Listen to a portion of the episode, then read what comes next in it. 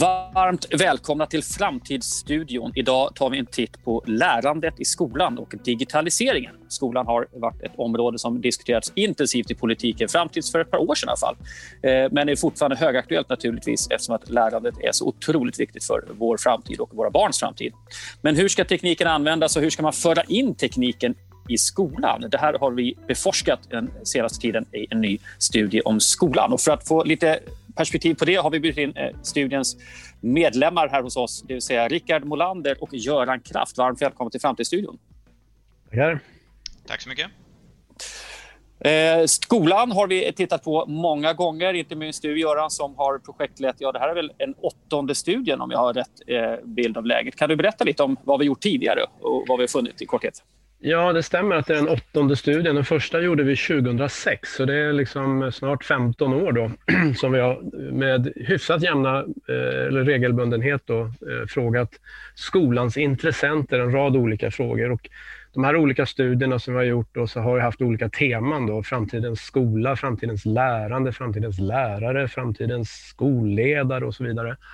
Sen är det några frågeområden då som vi har följt upp genom åren. Då. Eh, och eh, eftersom den här digitaliseringen är så omvälvande i samhället, även i skolan, då, så har vi vid de tre senaste studierna ställt frågor till lärare, elever, föräldrar och så vidare om just digitaliseringen. Så i korthet kan man säga att den här studien handlar om eh, digitaliseringens betydelse för lärandet. Och den gjordes klart i höstas, här, strax innan jul.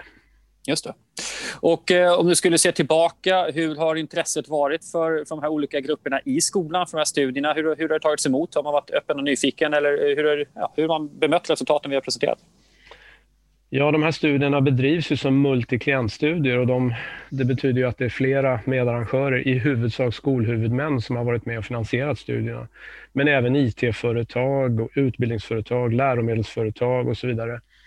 Eh, och ibland någon myndighet har varit med också. så att säga. Och Det har ju mottagits väl och det har ofta studiernas resultat har legat till grund för fortsatt skolutveckling och sådär.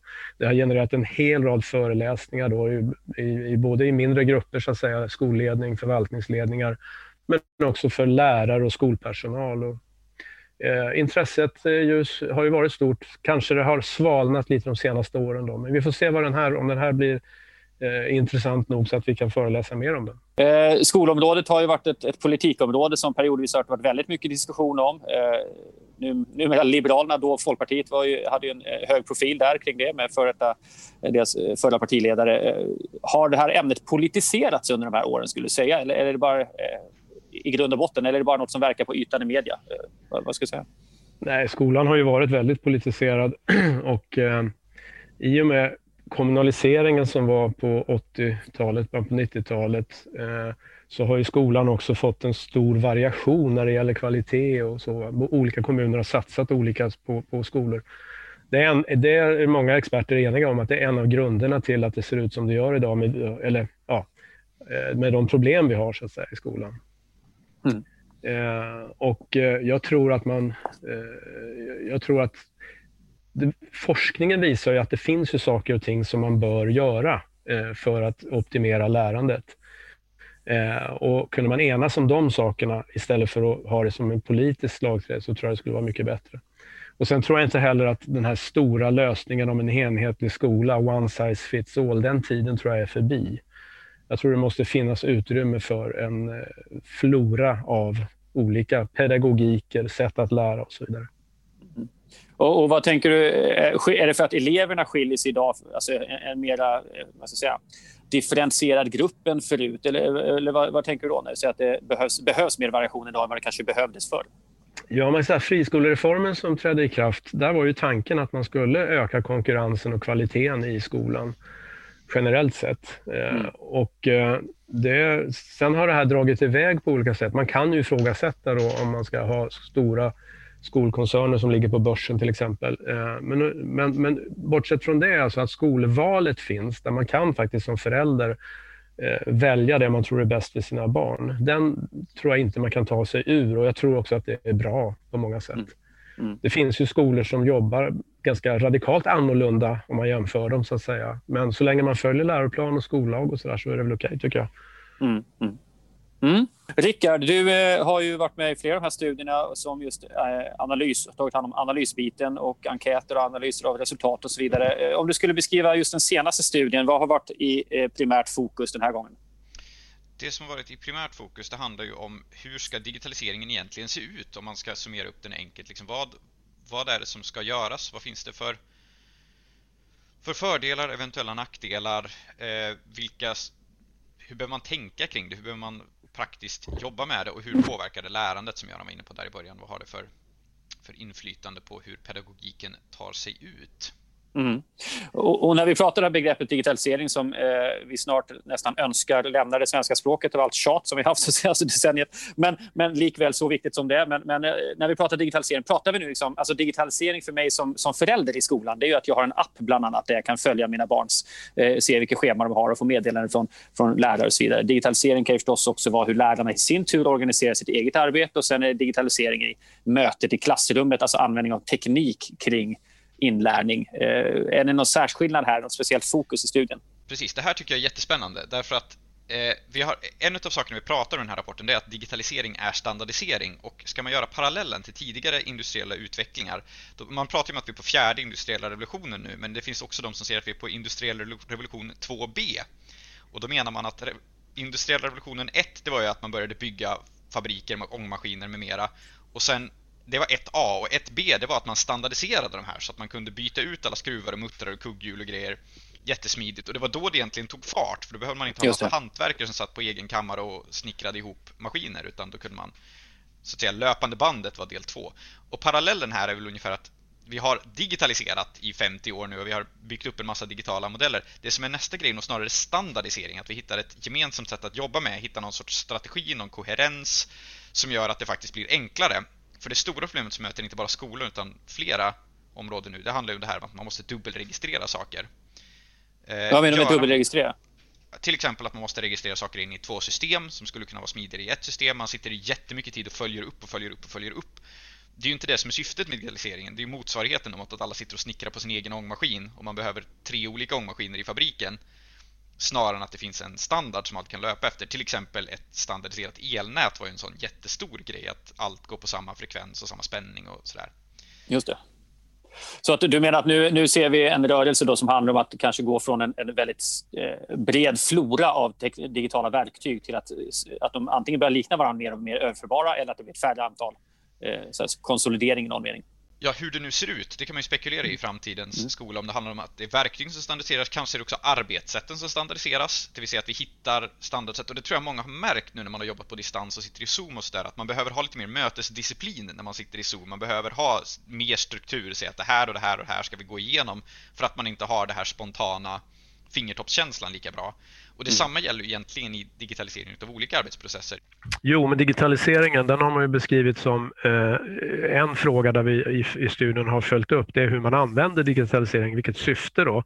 Och en dimension har handlat om hur, att, man, eh, att eleverna lär sig grundläggande kunskaper, räkna, läsa, eh, skriva på ett effektivare sätt. Man använder också, eh, den, den, andra dimensionen handlar om eh, eget skapande, filmer, foto, uppsatser etc. etc och den tredje dimensionen kommunikation och samarbete som ju de här verktygen är väldigt bra på så att säga. Mm. Eh, och vi hade ett expertseminarium inom ramen för studien och där man var ganska hyfsat enig om att det som är så att säga, att administrera, eller så här, administrationen, när den digitaliseras så har man effektiviseringsvinster att göra. Och då betyder det att lärarna i större utsträckning ska få ägna sig åt det de eh, är bäst på, nämligen att coacha eleverna till, eh, till att lära sig saker. Mm. Eh, och det finns ju administrativa system som är väldigt effektiva för bokföring, uppföljning och så vidare, schemaläggning och allt det här. Men tyvärr har det visat sig att det blir krångliga system som tar mer tid än vad det faktiskt skulle behöva göra. Mm. Och det är ju det vi menar med sån här dubbelregistrering då, att man sitter med flera olika system som inte pratar med varandra och lärarna behöver lägga mer tid på uppföljning än på att faktiskt lära ut, vilket har man en bra standard, vet man precis hur det ska gå till, då kan man ju automatisera bort väldigt mycket av de problemen. Just det. Och Det här känns ju som en, en motrörelse mot idén, det du var inne på Göran också här med att vi har eh, släppt eh, lös att säga, kreativiteten på skolområdet med olika sätt att arbeta och vi har Eh, eh, också då tänka att varje skola eller varje huvudman får leta sina egna tekniska lösningar och köpa de egna avtal med olika eh, leverantörer av alla slag. Och det här får mig att tänka på förra studien vi gjorde, för du var också inblandad och ett av de en av de eh, spaningar vi gjorde när vi såg oss omkring i världen var ju att Sydkorea hade ett statligt system eh, för eh, digital undervisning. Alltså man kunde gå in på nätet på en plattform och finna vad jag förstod då, som hela läroplanen i, i digitalt format för att kunna studera hemma. Eh, och just att det var en statlig, en enhetligt sätt att göra detta på. Det kan man ju tycka är för och nackdelar det, men fördelen är just de här eh, stordriftsfördelarna och, och stabiliteten och standardiseringen som ni är inne på. Då. Och det var för mig en, en intressant tanke och en fundering just kring idén om att låta eh, alltså ha mycket autonomi i, för, för alla huvudmän och låta marknaden så här, tillgodose behoven, vilket har ju fördelar på vissa områden, kreativitet och konkurrens och tävling. Så att säga. Eh, men kan ha nackdelen då att det blir väldigt olika system som man ska lära sig och kunna parallellt med varandra. Och så kanske mer delsystem ibland än, än helhetssystem. Men Digitalisering, alltså standardisering pratar ni om. Eh, ni pratar om eh, effektivitetsvinster förstås när man, när man lyckas få administrationen att bli digitaliserad, men det, det går eh, sådär med det. Jag vet också att ni har ringat in att det har, det har, inte hänt så mycket metodmässigt i skolan. Vad menar du med det? Vad, vad, vad är det du beskriver i det? Det vi ser där då, det är som vi var inne på, att man kan använda eh, man kan använda digitala verktyg till en hel mängd saker och vi har ju gjort en mängd studier då, så när vi tittade 2011 till 2016 då syntes det att det hade faktiskt rört sig framåt. Då hade man börjat haja att vi kan använda de här verktygen för att eh, stimulera till samarbete, för att eh, skapa kreativitet och sådär. När det tidigare hade varit väldigt mycket liksom att vi, vi sätter in dem för att lära ut baskunskaper bara. Så att då hade det skett ett stora framsteg. Nu har det inte rört på sig så mycket utan nu har folk med på att det finns de här verktygen och vi kan använda dem och vi använder dem i ganska stor utsträckning men man har inte man har inte på något sätt tagit nästa kliv här till att på bred front använda dem till fler saker eller eh, att man inte heller lyckats hitta en eh, kanske de gemensamma arbetssätt som man skulle behöva utan man har jobbat på lite som man som lärare eller elever föredrar. Det kommer ju upp på expertseminariet lite grann faktiskt. Oftast är det ju eleverna som driver det här mer än läraren, det vill säga skoladministrationen säger att de här verktygen ska vi använda och lärarna säger att det här verktygen blir jag tillsagd att vi ska använda och eleverna säger ja men vi vill använda det här och så gör de det i praktiken. Mm. Så det, är det här det metodmässiga innebär att det finns kanske inte en så tydlig gemensam strategi och när den finns så följs den inte i, i vissa fall. Okej. Okay. Sen tror jag också att det här, jag menar, alla digitala verktyg eh, och arbetssätt kom ju från IT-industrin från början så att säga. Eh, och det är lite annorlunda när eh, man ska kombinera det med pedagogik och det sättet som lärarna har utbildat sig för att bedriva undervisning och lärande på. Och det är klart att det tar tid och att det är knöligt ibland, absolut. Eh, men det vi har kunnat se det är ju att, man, att, så att säga, användandet av IT-verktyg, digitala hjälpmedel, eh, sakta men säkert blir mer avancerat. Det vill säga ju mer man håller på desto roligare blir det och desto mer kommer man att kunna lära sig. Och Den rörelsen har vi sett eh, om man jämför över tid. Då. Och Det betyder ju att om man, om man om man bara fortsätter i tangentens riktning så kommer ju skolan att, eh, eh, att bli mer och mer digitaliserad och då kanske mer på avancerade sätt då, beroende på alltså till exempel att man har speciella digitala hjälpmedel för olika ämnen Eh, men också plattformstänkandet som du var inne lite grann på, att allting finns samlat och att det, liksom, det ska ju vara smidigt och enkelt och alla ska kunna, liksom, eh, det ska vara en vinst för det här. Och det är det inte riktigt idag. Det finns, det finns också motstånd till det här. Då. Det finns ju vissa i debatten som säger att eh, nästan slänga ut datorerna, det är bara distraktion. Ja. Medan andra använder det väldigt avancerat. Så att det finns en stor flora av användande. Och ja, forskningen säger ju också att den talar ju både för och emot digitaliseringen och användandet av digital. Rätt använt kan det ju naturligtvis vara en tillgång. Men då måste ju inte ett antal förutsättningar vara på plats så att säga, för att det ska vara, bli så. Och Det här är mm. superkomplext. Va? Om man tittar på liksom skolsystemet så har vi då liksom regering och riksdag som fattar beslut om lagar och regler som ska gälla för skolan. Sen har vi då liksom en marknad med IT-leverantörer som säljer system som om man är skolhuvudman, då, kommun eller friskola, ska köpa in system. Då. Och där är det också en flora av valmöjligheter och eh, en, en ganska lång väg att gå mot standardisering och eh, liksom konsolidering i den här branschen. så att säga. Mm, mm. Och så har vi då hela vägen ner till enskilda skolor och lärarnas användande av det. Eh, så att det, det, är väldigt komplext och vi har inget svar på alla de här frågorna. Vi har mest liksom tittat på användningen. Hur går det för lärarna och eleverna och vad är de bästa sätten då för att få det att funka? Just det. Och det knepiga i det här sammanhanget också det är ju att vi har ju samtidigt ett arbetsliv i kraftig förändring. Särskilt nu under 2020-2021 så har ju arbetslivet skiftat något enormt för många människor som har börjat jobba på distans, börjat jobba på annorlunda sätt och börjat testa nya verktyg. Något som har kommit fram som man pratar mycket om är Rapid Skill Acquisition, alltså möjligheten att snabbt kunna ta till sig nya förmågor som har blivit jätteviktigt nu när man liksom man har tvungen att lära sig använda eh, Zoom eller andra, andra distansmötesverktyg. Va? Och den här förmågan att kunna anpassa sig snabbt det är ju en sån sak som om man ska prata skolans metoder. Hur lär man ut det i skolan? Hur lär man ut att lära sig nytt? Mm. Eh, och hur gör man det i en digital miljö? Det är utmaningar som är helt liksom långt utifrån vad man har tänkt sig traditionellt ska vara skolans roll. Mm. Vi kan väl komma tillbaka till det när vi tittar lite mer eh, lite funderar kring framtiden bortom studiens resultat idag. Så att säga. Men, men om vi eh, stannar kvar vid studien. Så här, eh, det finns naturligtvis rekommendationer i studien eh, som bland annat handlar om strategi. Vad, vad kan vi säga om det? Vad, vad visar studiens resultat på? Eh, ja, alltså man, eh, studien visar ju att, att det är superviktigt att ha en bra strategi för införande av digitala hjälpmedel. Eh, och det är väldigt stor skillnad mellan hur lärare och elever upplever eh, eh, liksom, eh, så säga, eh, användningen då mellan de som inte har och har en strategi. Till exempel ta det här med corona nu när vi tvingades in i, en, i fjärr och distansundervisning. Så de som upplevde att det funkade bra eh, var ju de som hade en strategi och det var betydligt fler som var missnöjda. Som, det var ju de som inte hade en strategi. Då. Så att det, handlar, det är en ledningsfråga om att göra den här eh, långsiktiga genomtänkta planen och, och föra den framåt med, med medarbetare, förstår jag. Och elever in, in, inkluderade också. Ja, för tittar man på eh, om man, vad man har lärt sig av den här coronakrisen då, så är det ju liksom de som, här, en fråga i studien, så här, i vilken utsträckning kommer du att fortsätta använda de digitala metoder du har använt under krisen i framtiden? 74 procent säger de lärare som eh, hade en tydlig strategi. Så 74 procent av de lärarna som hade en strategi ämnar fortsätta med nya metoder. Eh, och eh, utan de som inte hade en, en tydlig strategi då, så är det bara 54 procent som ämnar mm. fortsätta. Just det. Så det är, en, det är en ganska stor skillnad. Mm. Och hur, hur ska den här strategin då, vad är det för typ av, eh, vad ska man tänka på som ledare som ska bygga upp den här strategin? Om man nu är en skolhuvudman, eh, rektor eller vad det kan vara för något som, som tar sig an det här. Vad, vad är viktigt att tänka på för att det ska bli bra?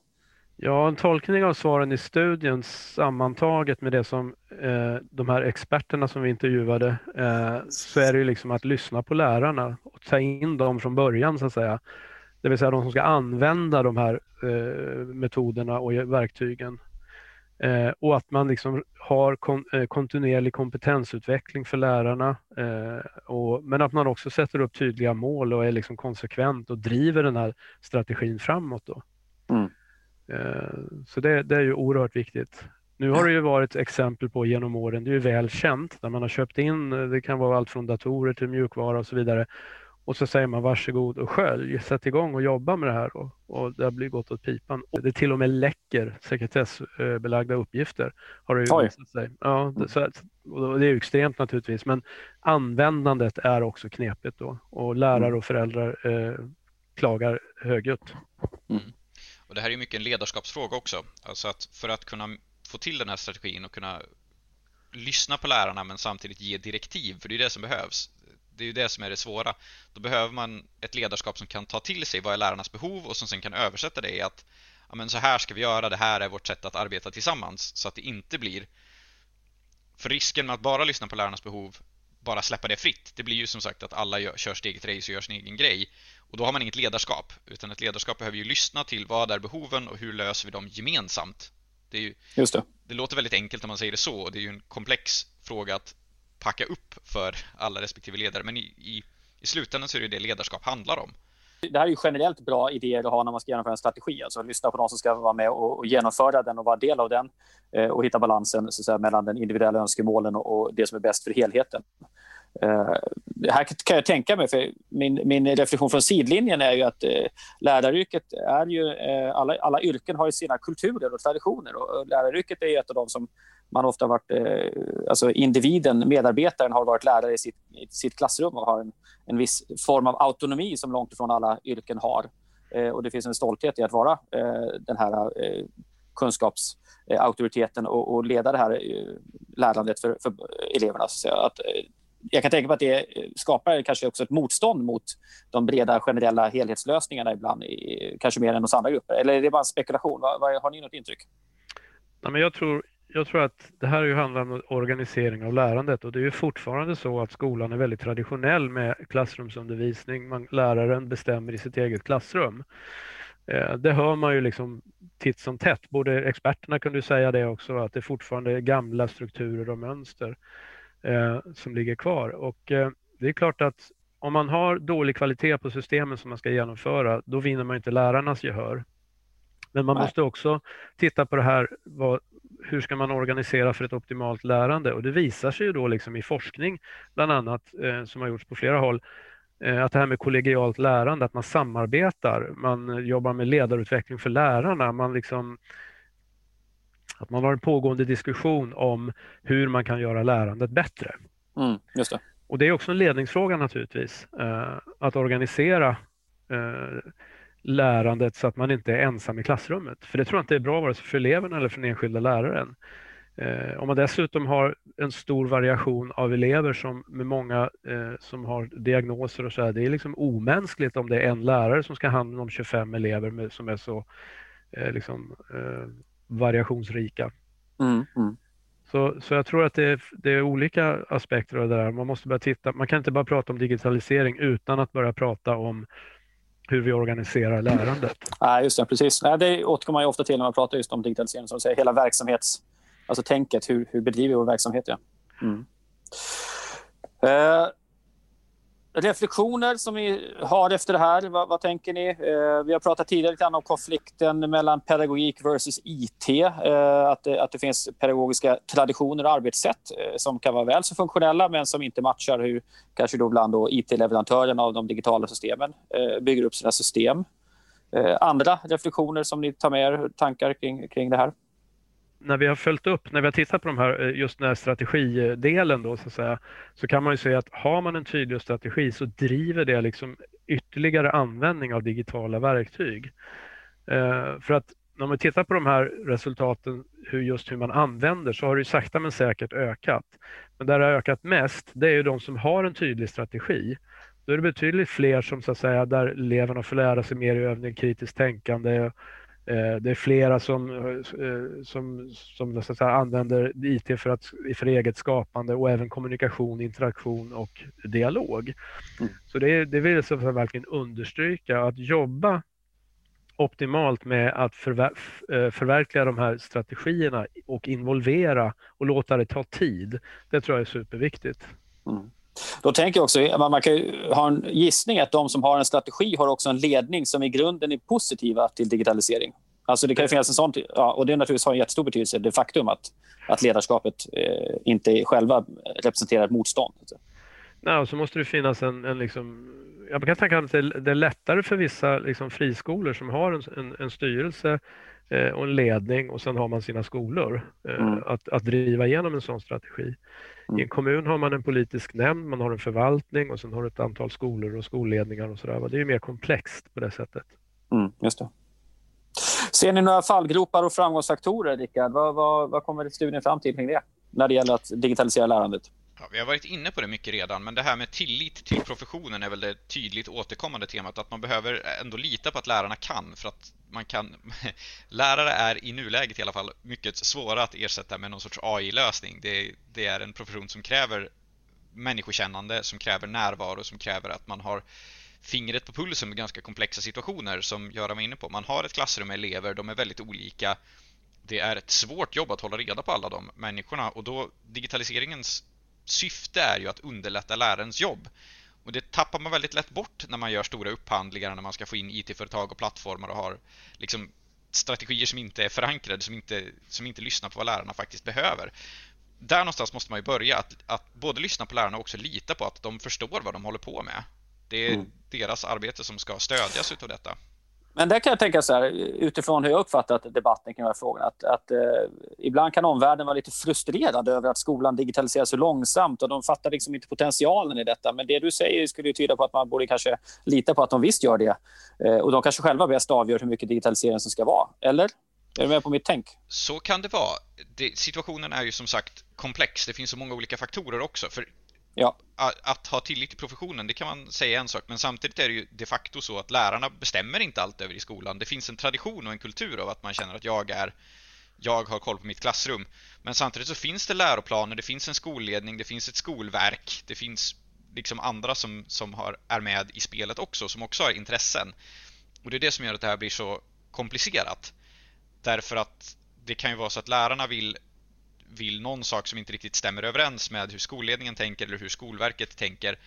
Så att det är lätt att säga lyssna på lärarna men samtidigt så mm. finns det en massa andra intressenter som inte är lärare själva och de ska också förstås ha användning av digitaliseringen på något sätt. Mm.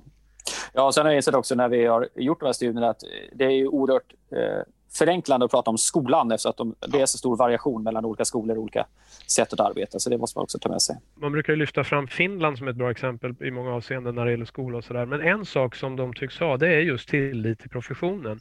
Och då är vi tillbaka till den här frågan du inledde med, nämligen att skolan har blivit politiserad.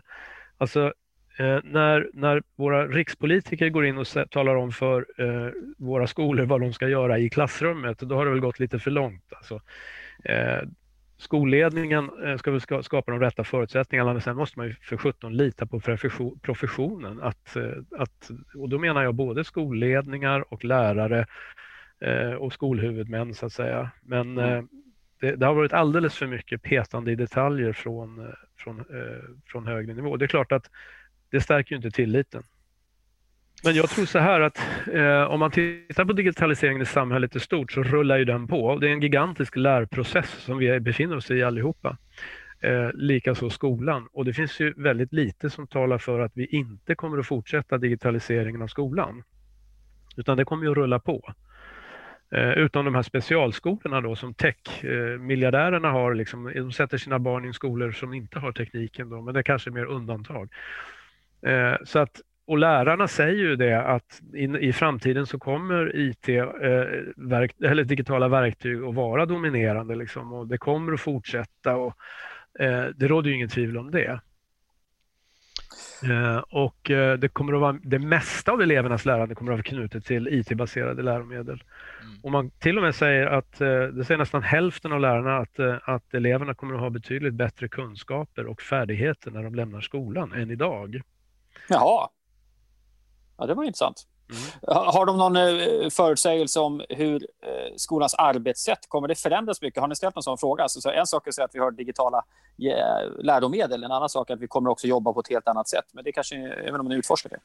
Ja, inte så mycket i den här studien, men det har ju funnits med i, eh, i tidigare resonemang det här med individualiserat lärande. Mm. Eh, och Eh, Eh, det får man ju ta med en nypa salt för det kan ju innebära jättemycket variationer i ett, och, och, då klarar man inte av det. Men däremot så finns ju då hjälpmedel i form av digitala verktyg som kanske kan optimera individens lärande därför att man har lite olika lärstilar och sådana saker. Eh, men samtidigt så finns det ju krafter och debattörer idag som pekar på att nej, vi ska ha samma typ av undervisning eh, i klassrummet och läraren är den som ska förmedla kunskaperna. Mm. Medan andra säger att det där är 50-tal, vi måste jobba mera med elevens eget utforskande av kunskaper och läraren blir mer en, en coach som peppar och sådär. Så det finns mm. ju den variationen också. Mm. Och det där tror jag, det där, de, de, olika, de olika synsätten tror jag också det behövs någon sorts varuupplysning, alltså för föräldrar som ska välja skola. Alla är ju inte lika initierade och tar reda på lika mycket eh, som andra så att säga och där skulle det behöva någon sorts, eh, någon sorts eh, statement liksom från det kanske myndigheterna skulle kunna göra bra, inte vet jag. Mm.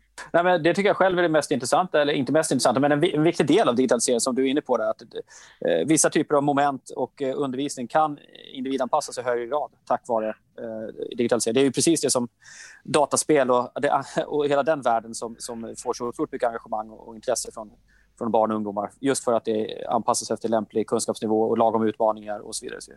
Så där finns Men, en väldigt potential. All...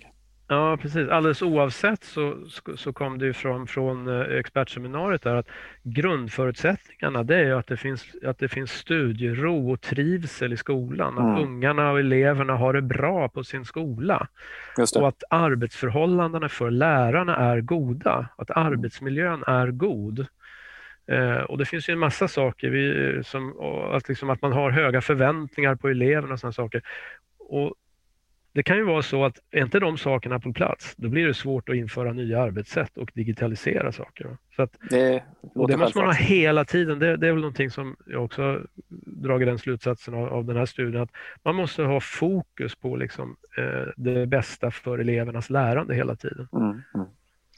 Eh, relaterat från generationsforskning så har vi sett när vi tittar på ungdomsforskningen att apropå det här med trygghet och, och, och, som du är inne på spelvärlden något som kommer igen när man tittar på unga där det är att de känner att skolan ger inte andra chanser. Eh, det vill säga man, man känner så lätt att man kör på ett prov och sen är det kört. Spelvärlden funkar ju inte så och arbetslivet funkar inte heller så egentligen utan blir något fel så är det, då, får du då är det gör om, gör rätt. Men i skolan så finns det inget gör om, gör rätt utan det är nu har du missat provet. Eh, ofta. Och det här mm det här tror jag hänger ihop mycket med hur man behöver resonera kring, kring användarvänlighet eller vad man ska kalla det i framtiden. Det vill säga möjligheten att, att eh, lära sig använda någonting och våga göra fel. Vilket ju spelvärlden är väldigt duktig på och som inte alltid skolvärlden är lika duktig på det här, våga göra fel. Jag kan föreställa mig att, äh, att under den här pandemin när det blev fjärr och distansundervisning då, så var det många som fick tvingas att lära sig naturligtvis. Och det, det uppstod väl problem och, och svårigheter som man var tvungen att lösa under resans gång. Och jag tror att de allra flesta lärare och elever och rektorer som var inblandade i det här gjorde ett helt fantastiskt jobb eh, för att försöka hålla lärandet igång. Eh, och det är klart att det var svårt och tufft och det var en omställning för många. Samtidigt då om man tittar på nackdelarna för eleverna då, att många upplevde att de kanske inte lärde sig lika mycket och var oroliga för att få eh, sänkt betyg och sådär så var det ju också en möjlighet för elever som hade det svårt att komma till skolan att tillgängliggöra eh, lärandet och undervisning på ett helt nytt sätt. Mm. Så det, här, det finns nog mycket lärdomar att dra av den här pandemin och det som har hänt i skolan under det här året. Ja, det är ju en central insikt tycker jag också att lärdomen från, från eh, pandemin som du är inne på, det är ju att man behöver göra i praktiken. Det här har tvingat fram att man gör i praktiken. Man kan ha hur mycket strategier som helst men om man aldrig får faktiskt jobba med det så lär man sig aldrig heller. Eh, lärare fungerar ju precis som alla andra människor, de lär sig genom att göra saker och genom att jobba med det och det behöver man eh, Ska man kompetensutveckla och ska man utveckla nya metoder och lärsätt då hänger det ju på att man faktiskt får pröva också. Då tar vi ett litet break här med reklam om Kairos Futures kurser och tjänster. Framtidsstudion är strax tillbaka. Kairos Future Academy är för dig som är nyfiken på våra webbinarier, trendföreläsningar och workshops relaterade till omvärld och framtid. Vi erbjuder Nordens största utbud av öppna utbildningar i omvärldsanalys och framtidsstrategi. Dessutom skräddarsyr vi utbildningar och program helt utifrån dina och din organisations behov. Läs mer om alla våra kurser och utbildningar under Academy på vår hemsida. Välkommen med din anmälan. Bra brygga över till att titta lite framåt. Vi har pandemin och den, dess effekter men vi har också naturligtvis den tekniska utvecklingen och, och inte minst explosionen av lärandemöjligheter som, som sker omkring oss med hjälp av internet och, och både formella tjänster man kan betala för men också eh, att människor delar väldigt mycket lärande. Eh, en sån pandemieffekt som jag uppmärksammades på det var ju också, Göran du var inne här på elever och barn som kanske har svårt att ta sig till skolan. De har inte varit trygga i skolan, blir hemmasittare eh, och de kan vara på ett annat sätt. Ehm, eh, men jag har också hört elever då som eh, kanske har jämförelsevis lätt för sig i skolan och som brukar vara delaktiga och som tycker varför ska jag gå till skolan nu? Det går mycket fortare för mig att få samma skoljobb gjort hemma än om jag ska sitta i klassrummet. Eh, vad, vad, vad, tror ni vi kan se för förändringar framöver här? Om vi tar in alla de här tre temana. Så sagt, eh, utbildningsrevolution omkring oss, vi har teknikutvecklingar men också pandemieffekter. Om vi ska fundera lite, vad, vad ser ni? Jag tror att eh, det beror ju på, när man, skolan är ju inte, det är ju så många olika åldrar, från förskoleklasser upp till gymnasium. Och, eh, så att eh, det är ju, det är ju det är beroende på vilken ålder man är i naturligtvis. Men om man pratar om, om elever som kan sköta sig själva i högre utsträckning så tror jag att man kommer att fortsätta med att ha mer inslag av eh, distansundervisning kanske eh, än tidigare och då kanske det påverkar lärandet i skolan när man är på plats. Mm. Tidigare har man ju pratat om sådana här metoder som flipped classroom och sådana här saker. Då. Det kanske börjar bli mer och mer verklighet nu då. Alltså där man eh, får ta del av undervisningen eh, på distans och sen går man till skolan och jobbar och får ställa frågor och diskutera. Exakt. Mm. Och jag tror ju att, som jag sa tidigare, att framtiden kommer ju inte att eh, innebära en, att, att skolan inte kommer att digitaliseras ytterligare, utan det kommer ju att fortsätta.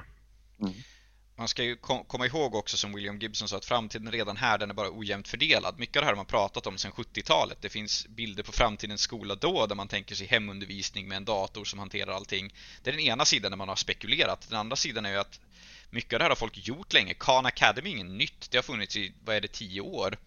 Och YouTube-undervisning, jag på min universitetstid kollade på föreläsningar på YouTube så att det är inte det är inte som att det här är jättekonstigt, särskilt inte för högre utbildning.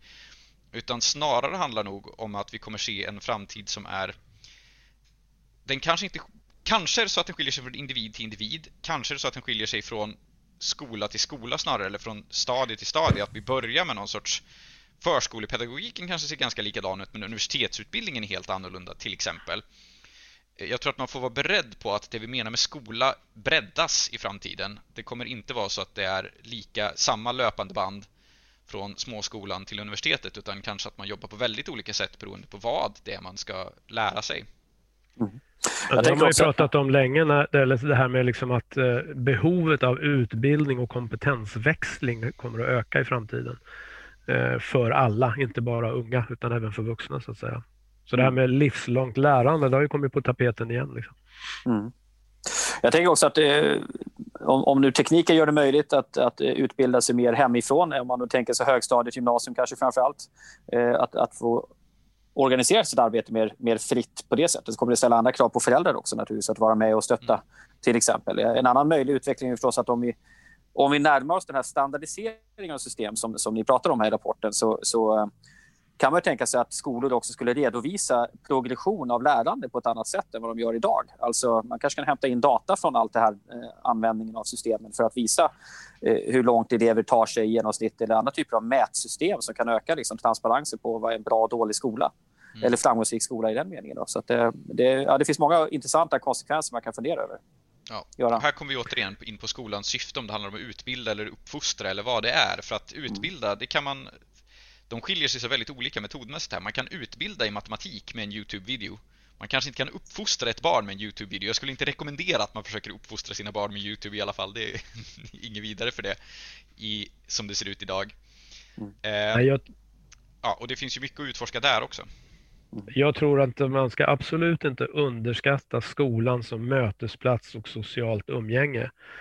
Eh, det är där man träffar sina kompisar. Det är där man liksom eh, gnuggas mot varandra och socialiseras. Eh, man behöver inte kalla det för uppfostran, men det är där man lär sig saker om relationer och, och liksom hur man samverkar. Och det, skolan har, det har jag sagt många gånger, även om vi ser en viss segregation, så har ju skolan fortfarande den platsen i samhället som har störst mångfald av människor från olika kulturer och olika individer och så vidare.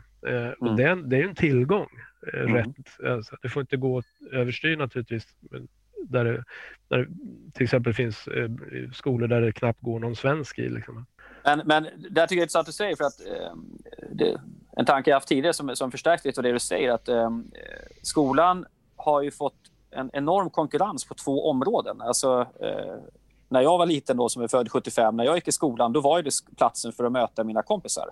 För man mötte bara kompisar fysiskt. Det gör man inte längre. Idag möts, umgås folk jättemycket digitalt. Och jag säger inte att det kan ersätta det fysiska umgänget, men den fysiska kontakten, skolans liksom dragningskraft som social mötesplats har ju urholkats radikalt eh, på det sättet. Den är inte lika unik som den var förr. Den är fortfarande unik, men inte lika om man nu kan prata om grader av unikitet. Det är det ena. Det andra är liksom att för mig var ju, om jag ville tillgodose mitt behov av att lära, vilket jag tror barn naturligt har, de flesta, alla har ett behov, känner glädje av att lära, mer eller mindre. Men då var ju skolan den platsen där jag hämtade det. Och så kunde det vara på scouterna och på orkestern eller vad nu var delaktig i som föreningsaktivitet. Men skolan var verkligen källan till, här känner jag att jag lär mig och växer. Men även det har ju fått konkurrens, då, både genom underhållningen i form av spel där man hela tiden får bekräftelse på att man växer och blir bättre och man levlar och man får lootboxes och allt vad det heter. Men också lärandemöjligheterna på Youtube. Och det där tror jag är någonting att fundera på. Alltså skolan som, skolans liksom, eh, psykologiska värden eller sociala värden för individen har fått en annan konkurrens. Och Det där kan ju påverka också skolans status för, för unga människor och elever, vad, vad, vilken roll den spelar. Absolut. Återigen tror jag det där är en, en, fråga om eh, vilken ålder man befinner sig i. Liksom. Ja, det kan det vara. Absolut. Och, och, och, och, språk är ju till exempel, alltså ska man lära sig mycket saker på Youtube, då är det naturligtvis mycket bättre att kunna engelska än bara svenska och sådana saker. Så det, där kan finnas sådana effekter. Men, men jag, jag tänker ibland att skolan eh, kanske behöver förstå att det är den konkurrensen man står i och att, att tydliggöra lärandet på ett liknande sätt som man gör till exempel i dataspel eller i andra sammanhang där man får märken eller vad det är för någonting för att se just det här levlandet. Det har nog kanske blivit viktigare. Barn är vanare idag att belönas snabbare för det de eh, och, och, och uppmärksammas på sin egen progression. Får jag spekulera lite så tror jag inte att det handlar om, man hänger väldigt gärna upp sig på det här med levlande och belöningar och, och eh, att man ska få omedelbar eh, tillfredsställelse och sådär. Men jag tror inte det handlar om det. Jag tror att spelvärldens tilltalar lika mycket därför att den, den handlar om, som jag var inne på förut, pröva igen. Det handlar inte om att vinna utan det handlar om att inte förlora, så att säga. Det vill säga i spelvärlden så kan du försöka på nytt. Du, du blir hela tiden uppmuntrad att ah, det här gick inte så bra, försök igen så går det bättre, försök igen så går det bättre. Det där ser man ett otroligt sug efter bland unga, i min erfarenhet som generationsforskare i alla fall. Man, man är, det är inte så mycket att man vill få den här trofén eller belöningen, utan det är att man, man vill inte bli sedd som en förlorare, man vill inte känna att jag har misslyckats. Och spelvärlden tror jag tilltalar väldigt mycket av just den anledningen. Du kan alltid pröva igen. Ja, men då, ska, då ska jag eh, bygga på din spekulation och fördjupa den lite. För jag tänker att en sak som spel gör, förutom mm. att de ger en ny chans, det är att om de behöver så blir de enklare. Ja, och, och, spelvärlden är strikt meritokratisk. Så länge du försöker så kommer du få en belöning. Och det är ju inte världen och livet alltid upplevs ju inte så. Ibland kan man tycka att man har försökt, man får ändå ingen belöning. Men mm. dataspelen är ju på det sättet eh, gjorda för att göra det. Eh, så att, eh, det är väldigt tryggt att försöka igen. För försöker du bara tillräckligt många gånger så kommer du med väldigt stor sannolikhet lyckas. Annars har dataspelen misslyckats. Så att säga. Precis. Men ja. min poäng är att det är ju god pedagogik. Det är, det är kanske så ja. att i verkliga livet så kan man inte misslyckas alla gånger, men själva syftet med en utbildning är ju att det ska vara ett säkert utrymme för att misslyckas. Visst, du mm. får inte misslyckas när du sitter och jobbar på kärnkraftsverket och ska ha koll på allting, men ska du kunna utbilda dig till att hantera ett kärnkraftverk, då måste du ha fått testa på hur allting funkar och då måste du ha kunnat göra det i en miljö där det är säkert att, att förstå att så här gör man inte. Jag skulle vilja flika in ett, ett annat område som jag tycker är intressant och som vi har ställt frågor till både för fyra år sedan och eh, Eh, ja, framförallt för fyra år sedan, det här med neurovetenskapen som faktiskt skolan inte har eh, liksom, eh, jobbat med traditionellt sett. utan det, den har ju snarare byggt på pedagogiska teorier och så. Och när vi frågade lärarna 2016 så var det ju en förvånande hög andel lärare som sa att de var intresserade och eh, till och med tillämpade eh, metoder som kommer från neurovetenskapen. Och vi hade en hjärnforskare med i expertseminariet och, och hon betonade ju såna här saker som att ja, eh, tekniken till exempel, den gör ju saker med oss också som vi inte tänker på alla gånger. Hur det påverkar liksom, eh, det leder till lång, långa timmar fram, framför en skärm, det leder till stillasittande. Och den bästa hjärngympan man kan göra det är ju att röra på sig så att säga. Det stimulerar ju dessutom lärandet. Eh, och det här tror jag är ett område som kanske ja, borde beaktas mer när man pratar om lärande. Då. Eh, grundförutsättning för att lära sig det är att eleverna känner sig eh, trygga och har studiero och blir sedda av sina lärare och, och, så. Mm. Och många gånger är inte ens det på plats i, i, i våra skolor som har stora problem. Mm. relationen lärare och elev är ju jättefundamental och går ju inte att eh, simulera med data och teknik. Det är absolut inte så. Nej. Och det kommer rapporter kontinuerligt om vad stillasittandet gör med oss. Så att säga. Eh, det är, inget, det är ett folkhälsoproblem. Mm. Ja, den gode Anders Hansen har väl nyligen levererat en bok om detta, eller för ett tag sedan, några månader sedan i alla fall, om skärmarnas effekt på hjärnan och så vidare för den som har intresse för det. Ja, Rickard, varsågod. Nej, eh, intressant på den fysiska rörelsen också. Det är ju också ett, apropå skolans skiftande roll och uppgift. Det var ju inte på historiskt sett så att säga på 50, 60, 70-tal, då hade ju inte skolan behövt som roll att se till att barnen går ut och sparkar boll, för det gör de i alla fall. Mm. Eh, men nu är det kanske så i högre grad att det är eh, Ska man tänka radikalt flipped classroom, då kanske det är så att skolan ska vara den plats där man organiserat får lära sig att sparka boll och umgås med andra och sen så får man gå hem och lära sig matematik i ett spel på fritiden. Just det. Just det. det skulle vara en verklig radikal flipp från hur man har tänkt tidigare. Mm, verkligen. Ja, mina vänner, eh, det börjar bli dags att runda av. Den som vill ta del av den här studiens resultat, hur gör man då, Göran? Man kontaktar mig eller Rickard. Vi kan komma och presentera resultaten. Eh, vi kan ha föreläsning, vi kan ha en workshop om man vill jobba med till exempel hur man skulle kunna utveckla sina strategier eh, på skolan. Det kommer så småningom upp en, en kort sammanfattningsrapport på vår hemsida som man kan ladda ner. Vi kommer att skicka ut en, ett, ett, en e-post om det så småningom.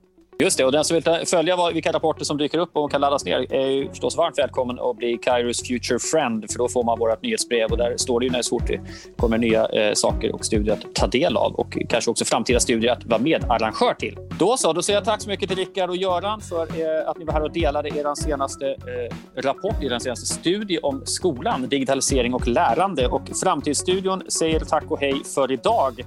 Vi hörs snart igen. Mitt namn är Fredrik Thorberg.